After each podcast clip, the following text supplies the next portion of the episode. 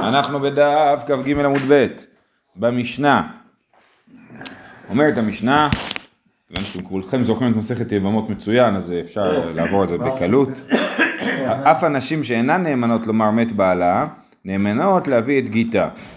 יש חמש, חמש נשים שלא נאמנות לומר לאישה מת בעלה, כי אנחנו חוששים שהן רוצות אה, לפגוע בה, הן רוצות שהיא תחשוב שמותר לה להתחתן, היא תחשוב שמותר לה להתייבם נגיד, ואז בעלה יחזור, ואז היא יתגלה שבעצם היא חיה עם אח של בעלה אה, אה, באיסור, ואז היא תהיה אסורה בבעלה ובאחיה, היא תהיה אסורה בכולם, ותצטרך לצאת מהמשפחה, אוקיי? אז יש חמש נשים, חמש סוגים של קרבות משפחה, של נשים שחשודות שיש להם רצון לפגוע באישה. זה למדנו ביבמות. אומרת המשנה בגיטין, אף הנשים שאינן נאמנות לומר מת בעלה לעניין ייבום, נאמנות להביא את גיתה, חמ, גיתה. חמותה, הן יכולות כן להיות השליחות של הגט. חמותה, החמות, צונאת, לא צריך להסביר נכון? ובת חמותה, וצרתה, צרתה זה האישה השנייה של אותו בעל, ויבימתה, יבימתה זה כאילו הגיסה, האישה של האח, שאם יהיה מצב שהבעל ימות בלי ילדים, אז יבימתה אה, תהפוך להיות צרתה, כן? ובת בעלה, הבת של בעלה שהיא לא ממנה, גם כן אה, אה, יש מצב שהיא יכולה לשנוא אותה. זה לא מצווה לשנוא ולא חובה, אבל אנחנו חוששים שזה יהיה המצב. מה בין גט למיתה? שהכתב מוכיח, אז למה באמת נשים שלא נאמנות לומר מת בעלך, כן נאמנות להביא את הגט? הרי זה אותו דבר, היא תחשוב שהיא מגורשת, היא תתחתן עם מישהו אחר, היא תגלה שבעצם היא לא קיבלה גט, זה היה גט מזויף, בעלה יחזור, ואז היא תהיה אסורה גם בבעל החדש שהתחתנה איתו וגם בבעלה הקודם, כי כמו שלמדנו מסכת סוטה, האישה שהייתה עם מישהו אחר בזמן שהיא נשואה לבעלה, נאסרת לבעלה. אה, אוקיי, אז, זה, אז, זה, אז מה בין גט למיתה? שהכתב מוכיח, הגט, הכתב מוכיח. לא לחשוב שזה כמו אונס, שהיא לא, לא יודעת. זה לא נקרא אונס. היא, כן, כי אונס זה שמכריחים אותך לעשות משהו, זה יכול להיות שוגג, יכול להיות משהו כזה, אבל לא אונס. אמ, אמ, וחוץ מזה שגם יש, אנחנו אומרים במסכת יבמות שכאילו אישה דייקה ומנסבה, זאת אומרת אישה יש לה את החיוב על עצמה לדקדק ולהתחתן, והיא לא, למה מאמינים לעד אחד שאומר לאישה שמת בעלה? כי אנחנו סומכים על אישה שתבדוק טוב טוב אם זה נכון באמת, אז, אז יש לה אחריות בעניין הזה. בכל אופן אומרת המשנה אה, שהכתב מוכיח מה ההבדל, למה הן כן נאמנות להביא את הגט ולא נאמנות להגיד שמת בעלה, בגלל שפה יש גט, כן? אז הכתב מוכיח, הכתב יכול להיות, אה, לכאורה הכתב לא מזויף. ככה סתם היא באה ואומרת מת בעלה, זהו. כל מה שהיא צריכה להגיד זה מת בעלך, ראיתי שהוא מת וזהו. וכאן היא צריכה להביא גט, אז זה כבר הופך להיות עניין רציני יותר. אה, האישה עצמה מביאה את גיתה, או בלבד שהיא צריכה לומר בפניי נכתב, בפניי נחתם. גם אישה, ראינו את המשנה הזאת, יכולה להיות השליח של הגט, של עצמה, הגמרא תדבר למה בכלל צריך שם שליחות, ונגיע לזה תכף. זה גם בארץ או רק עם... שאלה מצוינת, תכף אה, נדבר על זה. שנייה רגע, הסוף של המשנה זה בוודאי מחוץ לארץ, כי צריכה להגיד בפניי נכתב בפניי נחתם, אז זה מחוץ לארץ. אבל האמצע, המשנה של אנשים שנאמנות להביא את הגט, לא כתוב אם זה מחוץ לארץ או בארץ. והתניא כשם שאין נאמנות לומר מת בעלה, כך אין נאמנות להביא גיתה, כן? יש לנו ברייתא הפוכה, שאומרת שהנשים האלה הן לא נאמנות להביא את גיתה. אמר רב יוסף לא קשיא, כאן בארץ, כאן בחוץ לארץ. זה בדיוק ההבדל. הברייתא מדברת בחוץ לארץ, בארץ דלאו הדיבור הדידקה סמכינן מהמנה. בחוץ לארץ הדיבור הדידקה סמכינן לא מהמנה. בארץ, אם היא תביא את הגט ולא תגיד בפניי נכתב בפניי נחתם, הגט כשר. אז היא בעצם לא פקטור פה, היא רק שליח. אז לכן היא נאמנת להביא את גיתה. אבל מחוץ לארץ, שאם היא לא תגיד משהו, הגט לא מספיק טוב בפני עצמו, אז לכן היא פסולה להביא את הגט. כי, אנחנו, כי בכל זאת אנחנו חוששים שהיא שונאת אותה ומנסה לפגוע בה. אז זה אמר רב יוסף. אמר לאביי, אדרבה, איפכא מסתברא, אתה אומר לו, תחשוב הפוך. בארץ דייתי בעל ומערער משגיחינן בי דאיכא למימר לקלקולא כמכוונה לא מאמנה. בחוץ לארץ דייתי בעל מערער לא משגיחינן בי מאמנה. אה, זאת אומרת, ב... אה, שנייה, כן, אומר אביי, בארץ היא לא צריכה להגיד לפניי נכתב לפניי נחתם. ולכן, אם הבעל יבוא ויערער, יגיד, אני לא כתבתי את הגט הזה, אז אנחנו נקשיב לו. כיוון שנקשיב לו, אז, אה, אז, הוא, אז האישה תיפגע. כן, שוב, אישה, אה, אה, צרתה של אה, גברת אה, רחל ולאה הם צרות, כן? לאה מביאה גט לרחל ואומרת הנה בעלנו ביקש, אה, אמר לי להביא לך את הגט הזה. בארץ יבוא הבעל יעקב ויגיד מה פתאום לא כתבתי את הגט הזה, אז, או כתבתי אבל לא התכוונתי לתת אותו, אה, אה, אז, אה, אז רחל נאסרת. כי בעלה לא, לא, אנחנו מאמינים לבעל שהוא לא נתן את הגט, ולכן רחל נאסרת. אבל מחוץ לארץ, שלאה תגיד לפניי נכתב, לפניי נחתם, ואז יעקב יבוא ויגיד לא כתבתי את הגט, אנחנו נגיד לו מצטערים. היא אמרה בפניי נכתב, לפניי נחתם, זהו, אי אפשר לערער את הגט. אפשר עם שני עדים, אבל זה מורכב. אז, אז לכן, אומר אביי, דווקא, היא מגיעה, מביאה את הגט מחוץ לארץ, שאין לה דרך לדפוק אותה, כי, כי אנחנו מאמינים, מאמינים לא, לאישה, ולכן הבעל לא יכול לפסול את האישה, אז אה, אנחנו, אה, קצור, אין, אין דרך לאישה לדפוק אחת את השנייה, אז לכן אה, מאמינים לה. אבל בארץ, שבאמת יכולה לפגוע בה, כי הבעל יבוא ויערער, ואז באמת יתברר שיש פה בעיה, אז לכן היא לא נאמנת בארץ, אוקיי? אז זה סיכום. רב יוסף חשב שאם מישהי מביאה הגט מחוץ לארץ היא לא נאמנת ובארץ כן נאמנת, ואביי חשב להפך. אה, תניא כבתי דאביי, יש אה, ברייתא כמו אביי, רבי שמעון בן אלעזר אומר משום רבי עקיבא, אישה נאמנת להביא גיתה מקל וחומר, ומה נשים שאמרו חכמים אין נאמנות לומר מת בעלה, נאמנות להביא גיתה, היא שנאמנת לומר מת בעלה, אין עוד דין שנאמנת להביא גיתה, אז זה קל וחומר שגם האישה יכולה להביא בעצמה לעצמה את הגט כמו שראינו פה בסוף המשנה ואז אומרת הגמרא, ממקום, הברייתא ממשיכה ואומרת, ממקום שבאת, מה להלן צריכות שיאמרו בפנינו נכתב, בפנינו נחתם, אף היא צריכה שתאמר בפניי נכתב, בפניי נחתם. והברייתא אומרת, בוא נמשיך את ההשוואה ממקום שבאת, כמו שלמדנו שאישה שמב... ש... שצרתה ואיבמתה שמביאות את הגט צריכות להגיד לפניי נכתב בפניי נחתם, ככה גם האישה שבעצמה מביאה את הגט לעצמה צריכה להגיד לפניי נכתב בפניי נחתם. אז מה זה מוכיח? שעל מה מדובר שצרתה ואיבמתה נאמנות וצריכות מחוץ לארץ, כי כתוב שהן צריכות להגיד לפניי נכתב לפניי נחתם, אז הבית צודק, שמחוץ לארץ אנחנו מאמינים להם ובארץ אנחנו לא מאמינים להם.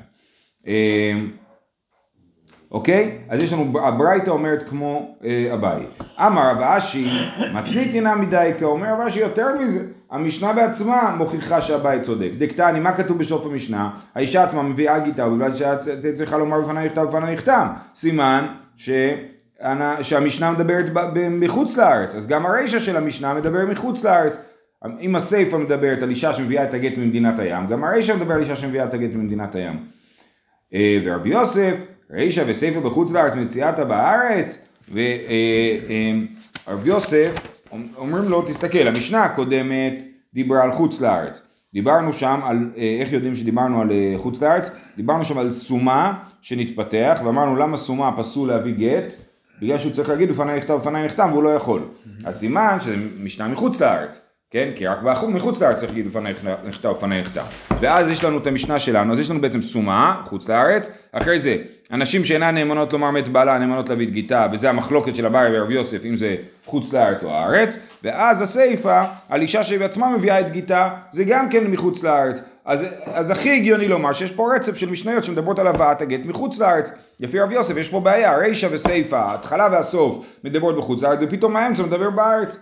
רב יוסף רישא וסיפא בחוץ לארץ מציאתה בארץ? תשובה אין, כן, לא מעניין אותי הקושיות שלכם, למה? רישא וסיפא בחוץ לארץ מציאתה בארץ, ממאי? מדקתני, מה, מה בין גט למיתה? שהכתב מוכיח, נכון היה כתוב במשנה, למה מאמינים לאנשים שמביאות גט? שהכתב מוכיח, ולא קטני שהכתב והפה מוכיח. הרי גט שמביאים מחוץ לארץ זה לא רק הכתב מוכיח, זה הכתב מוכיח ביחד עם הפה. סימן שמזה שלא כתבו הכתב והפה מוכיח שמדובר על הארץ, אז מה לעשות, זה לא מסתדר יפה במשנה, הרצף. יוצא לנו שחלק בחוץ לארץ וחלק בארץ, אבל זה הלשון של המשנה, והלשון של המשנה מדברת על, על, על, על חוץ לארץ, על הארץ, ולכן אין ברירה אלא חייבים להעמיד את זה בארץ. אה, זהו, סיימנו את מחלוקת אביי והרב יוסף. אז אנחנו ממשיכים. האישה עצמה מביאה את גיתה, אמרנו, אה, אישה מקימת גיתה לידה מגר שלה. למה בכלל אישה צריכה, כתוב שאישה מביאה את הגט, היא צריכה להגיד לפניי נכתב לפניי נחתם. אז מה זה אומר? שהיא שליח להביא את הגט. אבל היא בעצמה, האישה, אז בעלה נתן לה גט בחוץ לארץ, אז היא מגורשת, למה היא צריכה להגיע לארץ, להגיד לפניי נכתב לפניי נכתב, היא כבר גרושה, זהו, נגמר הסיפור. אז מה, אז מה הקטע? אמר רב הונא, ואומר לא תתגרשי בו אלא בפני בית דין פלוני, הוא מביא את הגט ואומר, אני, יש לי איזה קטע שאני רוצה שתתגרשי בבית דין של טבריה. אז היא צריכה ללכת מבבל עד לטבריה, או לא משנה מאיפה, ומגיעה לטבריה, ואז היא אומרת לפניי נכתב לפניי נחתם ומגורשת. לכן, היא צריכה להגיד לפניי נכתב לפניי נחתם. אומרת הגמרא, זה לא נכון, סוף סוף כמעט יהתה מגרשה בה. זה לא נכון, היא לא באמת צריכה להגיע ולהגיד לפניי נכתב לפניי נחתם. ברגע שהיא מכניסה את הרגל לבית הדין של טבריה, אז זהו, אז היא עכשיו מגורשת, כי מה הוא אמר לה? הנה הגט, ותהיי מגורשת כשתגיעי לבית הדין של טבריה. אז היא הגיעה, אז היא מגורשת, זהו, היא עשתה את התנאי. אז היא עדיין לא שליח להביא את הגט, אז היא לא צריכה להגיד לפניי נכתב לפניי נחתם. אלא אמר רב הונא בר מנוח משמי דרבחה בר דרביקה, דאמר לה, כי מתית התם, את נכי יערה ושקלי. אז הוא אומר לה, תקשיבי, אני, זה איש עם, יש לו כל מיני רעיונות. אני רוצה שתלכי לבית דין של טבריה, תקחי את הגט, תניחי אותו על הרצפה, ואז תקחי את הגט, כן?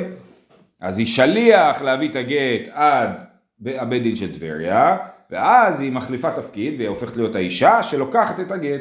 לכן היא צריכה להגיד לפניי נכתב לפניי נכתב, כי היא כן שליח. עוד פעם, הוא לא אומר את מתגורשת בגט הזה, הוא אומר אחרי שתרימי את הגט מהרצפה בטבריה, אז תהיי מגורשת בגט הזה. אז אומרת הגמרא, מה פתאום? אז היא לא תהיה מגורשת בכלל. היא אחי, אבל התלי גיתך מעל גבי קרקע, ואמר רבא, תלי גיתך מעל גבי קרקע, לא אמר כלום. זה לא עובד.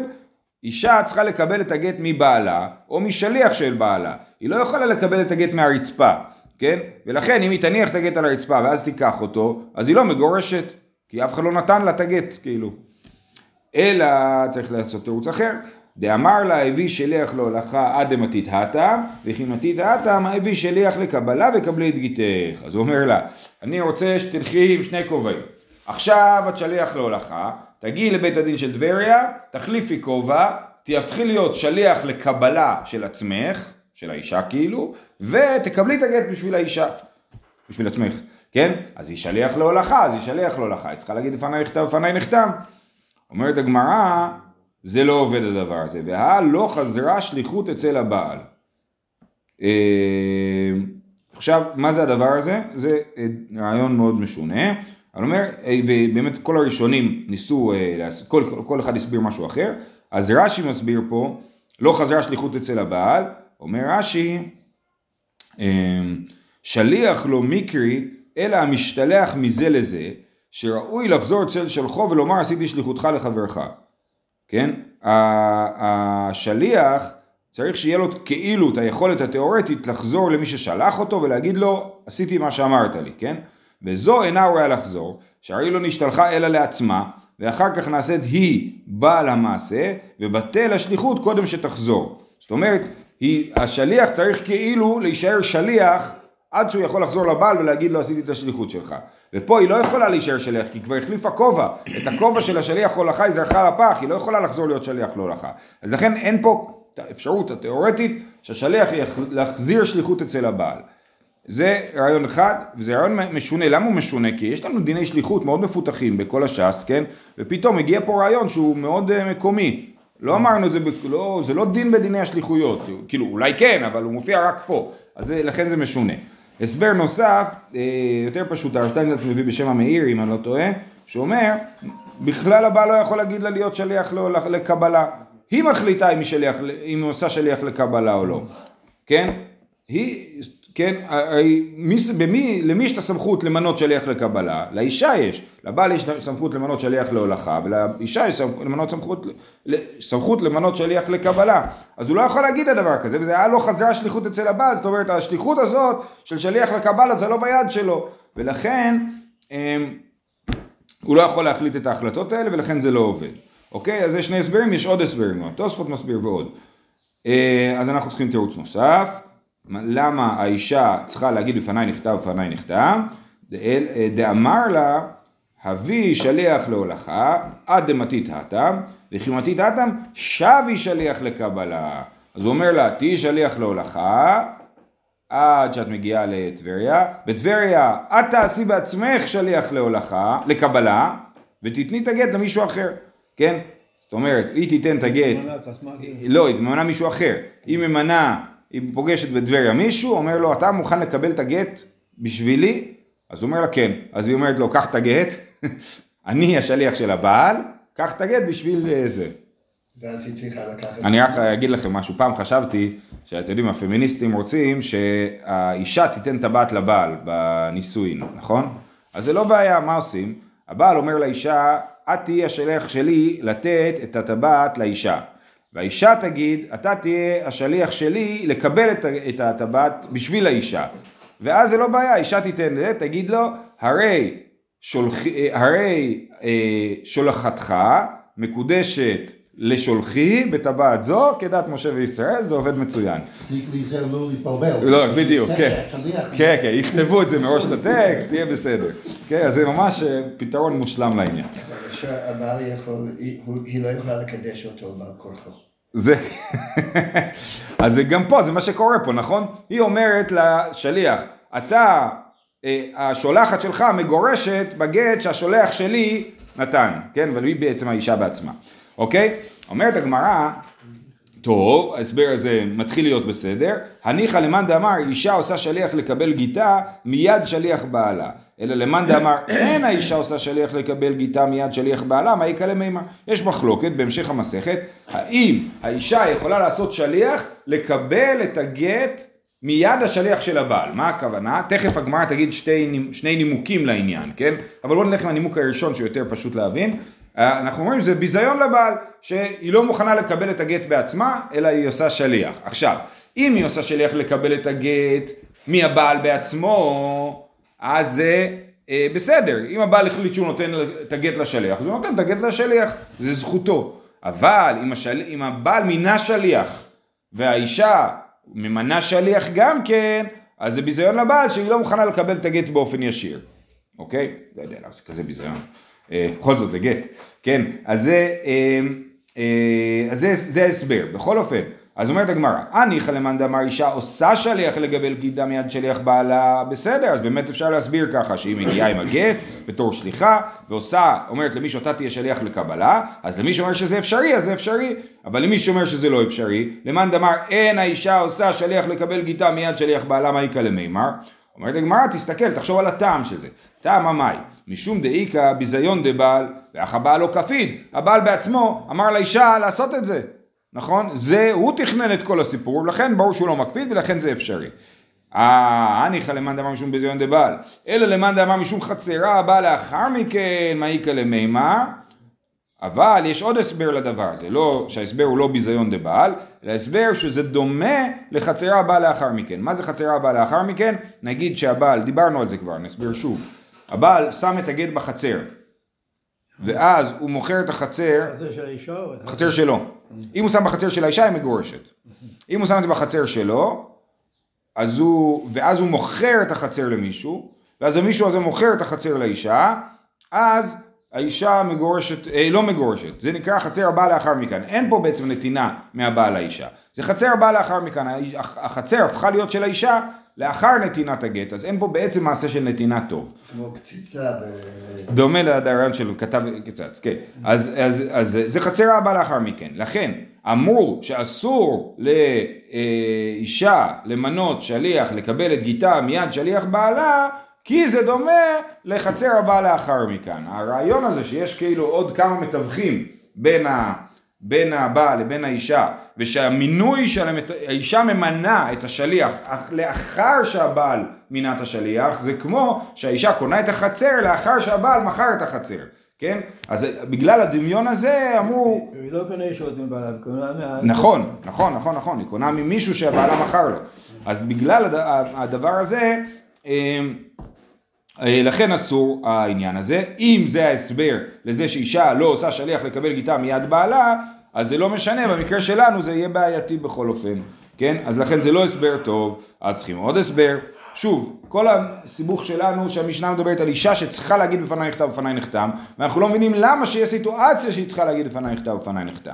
אומרת הגמרא, דאמר לה הביא שליח להולכה, עד דמתיתתם, וכי מתיתתם שבי שליח להולכה וקבלי את גיתך מיני. זה הפתרון.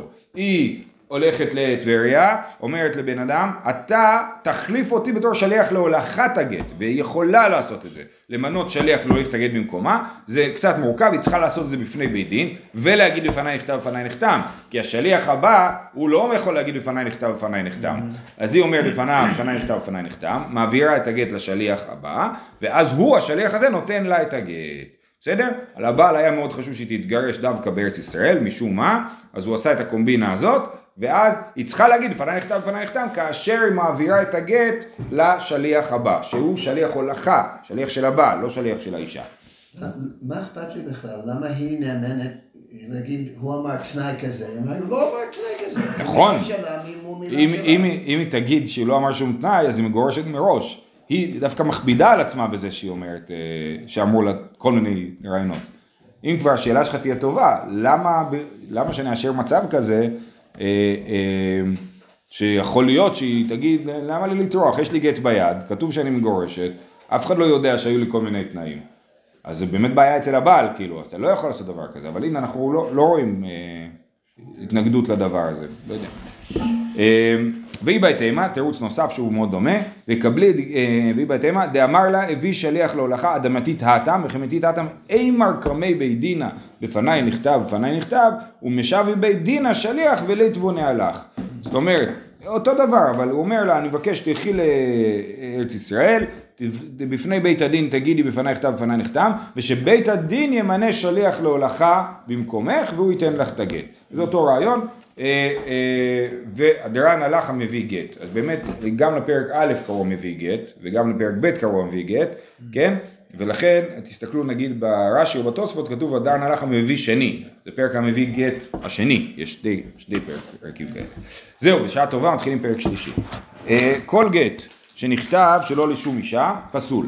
כיצד? היה עובר בשוק ושמע כל סופרין מקרין, איש פלוני מגרש את פלונית ממקום פלוני. הוא הולך ברחוב ושומע שמקריאים איש פלוני מגרש את פלוני ממקום פלוני, ואומר איזה קטע, זה שמי וזה שם אשתי. יאללה, הזדמנות לעשות גט. פסול לגרש בו. יותר מכן. פסול. פסול, כי זה לא לשמו ולא לשמה. יותר מכן, כתב לגרש את אשתו ונמלך. הוא, קוראים לו אברהם ולאשתו קוראים שרה, והוא החליט לגרש את אשתו. ואמר לו, שמי כשמך ושם אשתי כשם אשתך, אז הוא אומר לו, רגע, אתה מתחרט, אתה לא רוצה לגרש, אז תביא לי את הגט, אני אשתמש בו. פסול לגרש בו. הוא נכתב לשמם? כן. יותר מכן, היו לו שתי נשים ושמותיהן שוות. יש לאברהם יש שתי נשים שלקוחת אחת מהן קוראים שרה, והוא מחליט, כתב לגרש את הגדולה, את המבוגרת יותר, זה לא משנה, גדולה או קטנה זה סתם דוגמה. כתב לגרש את הגדולה, לא יגרש בו את הקטנה, ואז הוא אמר, רגע, בעצם הגדולה נחמדה יותר, אני אגרש את הקטנה. הוא לא יכול, כי הוא חשב על הגדולה כשהוא כתב את הגט. יותר מכן, אמר ללבלר כתוב לאיזו שירצה לגרש, פסול לגרש בו. יותר מזה, הוא אמר ללבלר, לסופר, הוא אמר לו, תכתוב לשרה ואני אחליט מי מוצאת חן בעיני- בעיניי יותר הערב, ואז אני אחליט את מי לגרש. גם זה לא בסדר, כל הגיטים האלה זה גיטים שנכתבים שלא לשמה. זה נקרא שלא לשמה. אומרת הגמרא, כתב לגרש את אשתו ונמלך וכולי, ואלה רישא במאי, זאת אומרת, מה ההבדל בין המקרה הראשון למקרה השני? במקרה הראשון הוא שומע אברהם מגרש את שרה, במקרה השני הוא רואה בן אדם שקוראים לו אברהם שכתב גט לגרש את שרה ונמלך. מה ההבדל בין המקרים? אומר, אמר רב בסופרין עשויים לה- להתלמד עסקינן. זאת אומרת, הרישא זה מקרה של בית ספר לכתיבת סתם, כן? אומר להם, עכשיו תכתבו בגט ככה. ו, אה, וזה מה שהם כתבו, זה בכלל לא גט, זה סתם תרגול, כן? אין לזה משמעות של גט, כי לא, לא חשבו שזה גט. אה, אז, אז לכן זה חידוש, כאילו לכן זה לא אותו מקרה. אמר רב אשי די קנה מדקתני סופרין מקטין, מקרים ולא קטני סופרין קוראים שמע מינה. הוא אומר שמע כל סופרין מקרים. אם הסופר, אם מישהו שכותב גט, אז הסופר לא מקריא. מי שיקריא לו זה או הבעל או הדיין, או מישהו, הבעל יגיד לו תכתוב עכשיו ככה וככה. פה הסופרים מקרים ככה וככה, סימן שזה בית ספר לכתיבת סתם ולא, ולא גט. אה, אוקיי, מה יותר מכן? למה? מה, כל מדרגה, כל מקרה, יש לנו פה ארבעה מקרים שעל כל מקרה כתוב יותר מכן. זאת אומרת, כל מקרה היינו חושבים יותר שאפשר לגרש ולא אפשר לגרש. תנא דבר רבי ישמעאל, לא זה שנכתב שלא לשום גירושין, הראשון לא נכתב לשום גירושין בכלל. ולכן זה ברור שזה פסול, אלא אף זה שנכתב לשום גירושין פסול. ולא זה שנכתב שלא לגירוש, לשום גירושין דידי, אלא אף זה שנכתב לשום גירושין דידי. המקרה, אה, אה, המקרה השני זה מקרה שנכתב לשם גירושין, אבל לא הגירושין שלו, נכון? לכן זה, והמקרה השלישי זה מקרה שנכתב לשם הגירושין שלו, אבל האישה זה לא האישה הנכונה, נכון? כי אמרנו שיש לו שתי נשים. אז הוא אומר, לא זה, על אף זה, שנכ... לא זה שנכתב שלא לשום גירושין, אלא זה שנכתב לשום גירושין פסול. ולא זה שנכתב שלא לשום גירושין דידי, אלא אף זה שנכתב לשום גירושין דידי פסול. וזה לא זה שלא נכתב לשום, גיר... לש... לשום גירושין ה, אלא אף זה שנכתב לשום גירושין הפסול. אפילו במקרה האחרון, שאמרנו אני אחליט מה אני רוצה, שאפשר לומר במידה מסוימת שהוא כן נכתב לשם האישה הזאת, עדיין זה פסול. אה, מה היא טעמה? למה זה פסול? אומרת הגמרא, אי כתב ונתן ספר כריתות ביד, בידה, הווה אמינא למיעוטי הייך קמא, דלא עביד לשם כריתות. אם היה כתוב ונתן ספר כריתות בידה, אז היינו אומרים זה חייב להיות כריתות, זה חייב להיכתב לשם גירושין, וזאת הדרשה היחידה. אם לא היה כתוב וכתב בכלל, כן? אז היא כתב ונתן ספר כריתות בידה, הווה אמינא למיעוטי הייך קמא, דלא עביד לשם כריתות, המקרה הראשון. אבל כתב לגרש את אשתו ונמלח ונתן את הגט למישהו אחר דאביד לשם כריתות, הכן הגט נכתב לשם כריתות, אם הכשר, אז זה היה כשר אם היה כתוב רק ונתן ספר כריתות בידה. לכן כתב רחמנה וכתב. אז לכן כתוב בתורה וכתב שצריך להיות שהוא כותב, שזה לשמו. אי כתב רחמנה וכתב, הווה אמינא למיעוטי היי דלא אי הוא ככתיב לה, כן? למעט את המקרה שהוא לא אמר לכתוב את הגט, אבל אם הוא אמר לכתוב את הגט, אז יהיה מותר. אה, אבל יש לו שתי נשים, דאי הוא ככתיב לה, אם הכשר, אז נגיד שזה כשר, לכן כתב רחמנה לה, בסדר? אז וכתב לה ספר כתות ונתן בידה, מספר כתות לומדים שחייב להיות לשם גט, מ"וכתב" לומדים שהוא חייב להגיד לכתוב, הוא חייב לכתוב, הוא יכול למנות שליח לכתוב, אבל זה חייב לבוא ממנו, והמילה לה, אנחנו צריך להיות דווקא לשם האישה הזאת הספציפית. אה, כתב רחמנא לה לשמה, לשמה, וסיפא למה לי, ומה המקרה האחרון מוסיף לי? אמרנו המקרה האחרון זה מקרה שהוא אומר, אני אחליט יותר מאוחר מאיזה אישה, הקמה שמלן דאין ברירה, זה מלמד אותנו שאין ברירה, מה זה ברירה? ברירה זה שדבר מתברר למפרע, שאני אומר משהו, הוא נשאר פתוח, ולמפרע מתברר מה הייתה הכוונה שלי, כמו המקרה הזה, הוא אומר אני לא אחליט עכשיו, אני אחליט אחר כך, אז אין ברירה. אה, אנחנו עוד נדבר באריכות מחר על, העניין של אה, יש ברירה ואין ברירה, אה, אבל זה כאן. אנחנו בינתיים נשאר לנו רק לסיים פה.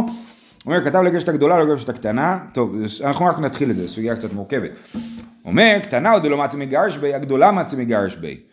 הוא יכול לגרש, נכון, יש לו שתי נשים שקוראים להם שרה, והוא כתב לשם שרה, הוא התכוון לשם הגדולה, הוא יכול לגרש את הגדולה. לא כתוב שהגט הזה פסול, כתוב שהוא לא יכול להשתמש בו לקטנה, נכון? אה, למרות שלשתי אנשים יש את אותו שם, הוא יכול להשתמש בזה. אמר רבא, זאת אומרת שני יוסף בן שמעון הדרים בעיר אחת, מוציאין שטר חוב על אחרים. מה אפשר ללמוד מזה?